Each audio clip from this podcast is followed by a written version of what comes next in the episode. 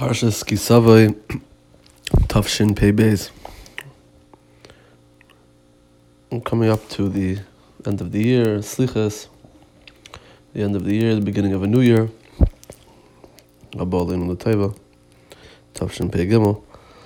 And in these last couple parshas, at the end of the year, we have Parshas Ki Savo. Parsha Mal There's so many things happening so many things to be oimid on, so many things to delve into. And one of the things that stands out is this the inyan of simcha that we find in the parsha. Torah says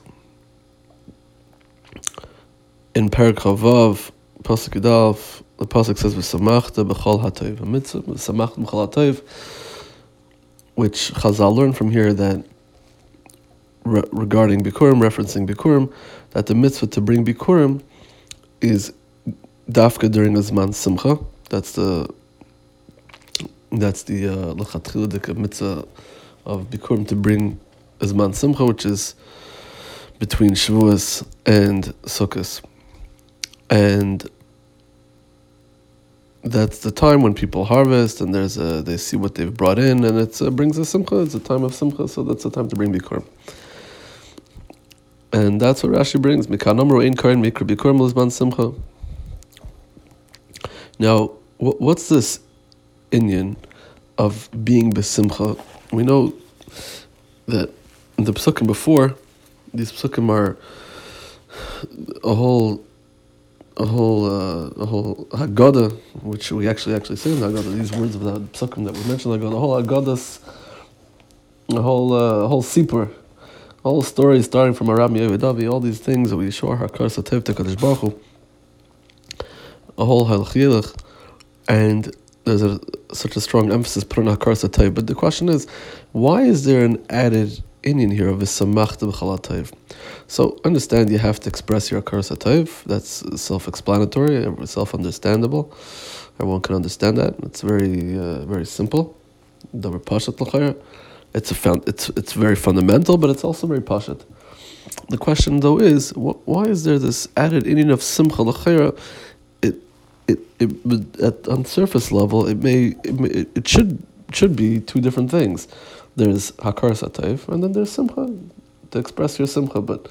You have to express your hakaras hatov. You have to be besimcha also, not necessarily, right? Well, the two different inyanim. Why they tied together? That you have to bring bikurim during this man simcha. What's the what's the varn? So Yochum says it's a very short piece, it's just a couple words, but I think there's an incredible amount of amount of depth to what he to what he says, like there always is. But just just you can read in these couple words an unbelievable amount of amkas that there there lies behind here. And that is, he says, say the inyan of Akar the the inyan of Hakaras Hatov is also to show to the person who's your beneficiary that you're so happy with what he's done for you.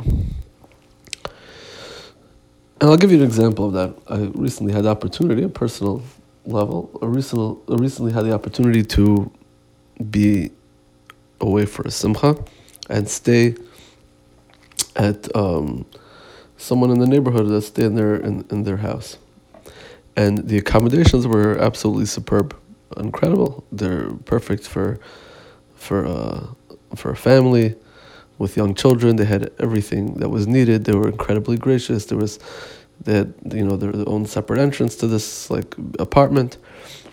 Uh, beautiful. Everything was done beautifully. The bedrooms, the bath, everything was just toys for kids. You know, food, everything, coffee, everything was set up really, really, really beautifully. Really, really batamt. Really, really gracious. Really, really done. Just done really well, and so I had the opportunity to go over and thank the, the host, and you know, I was told him how thankful we were and how appreciative we were, and how it was just so beautiful. And can oh, you should you should only use it for simchas, and you should have only simchas. And now, in just seeing these words of Rabbi Yeruchim Yichab, the Hakaras Hatov could be expressed without showing simcha. You could have written a note you could have even told that to him and say, "Oh, thank you so much." But when when someone does it with a simcha, then it's obviously does so much more. Your hakaras hatoiv, you know, is extended so much more and is so much more powerful than when it's done, say, more dry, right?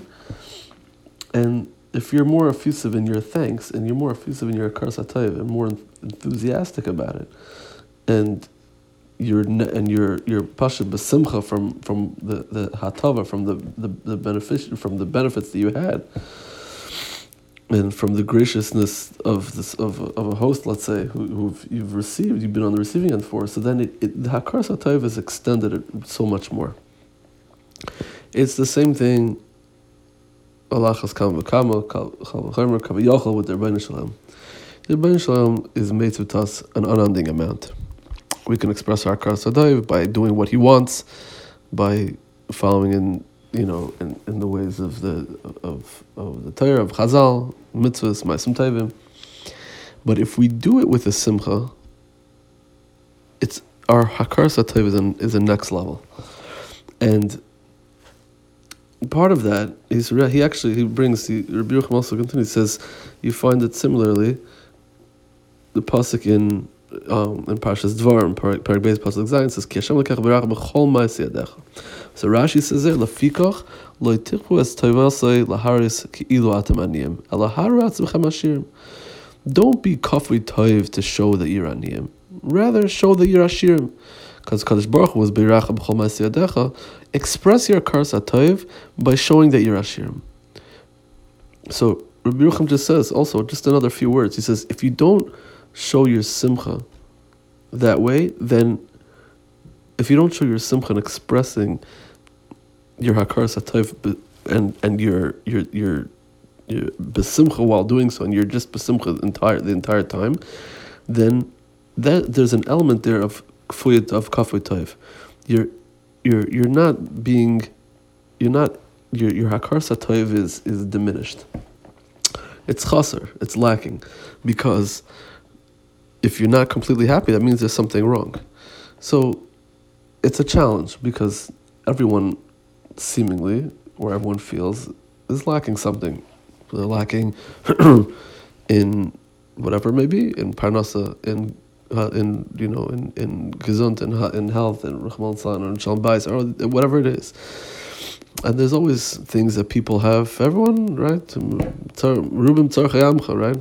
We're gonna say right? Tzarcham chamarubim. This uh, everyone everyone has tzarchim, and everyone feels to a certain extent, maybe deep down, or maybe hopefully maybe not everyone, but maybe it's only some people feel that they're lacking in things, right? They wish this, they could have, they wish they could have had that, they, uh, and things that they taka really need, not even in anything excessive, and it bogs them down.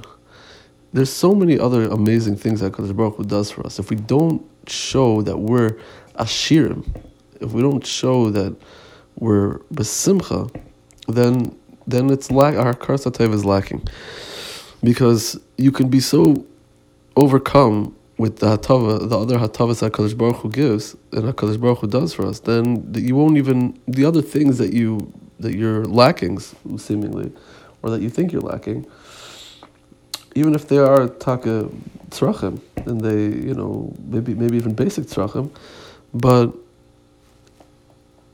you, they, they won't be as noticeable to you because there's so many other things. Think about if someone, most of someone has is healthy, and they have family healthy, and they have Baruch Hashem, they're married and they have children, whole mishpacha, right?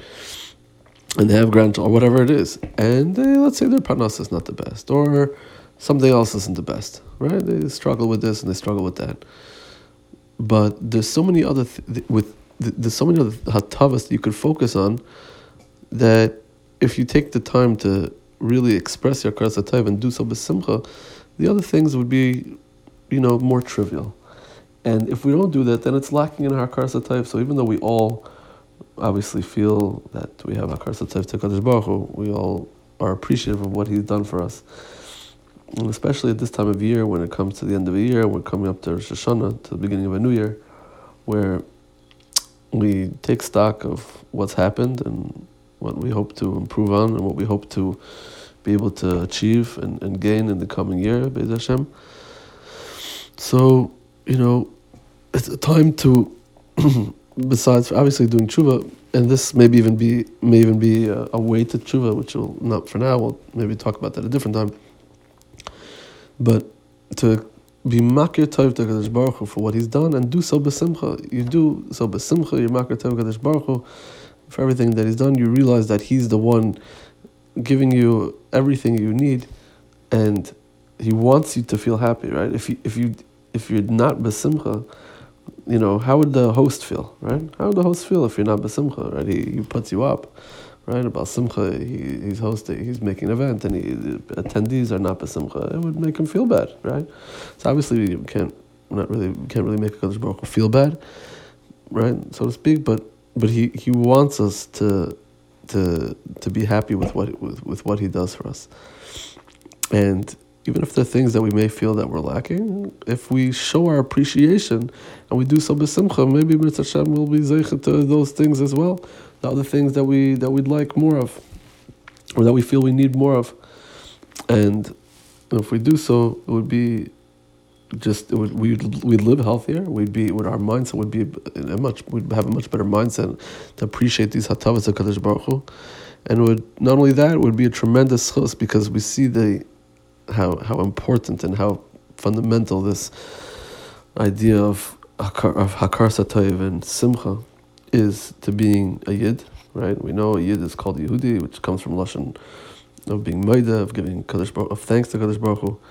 and a yid who doesn't give hakaras hatov is uh, is severely, severely lacking.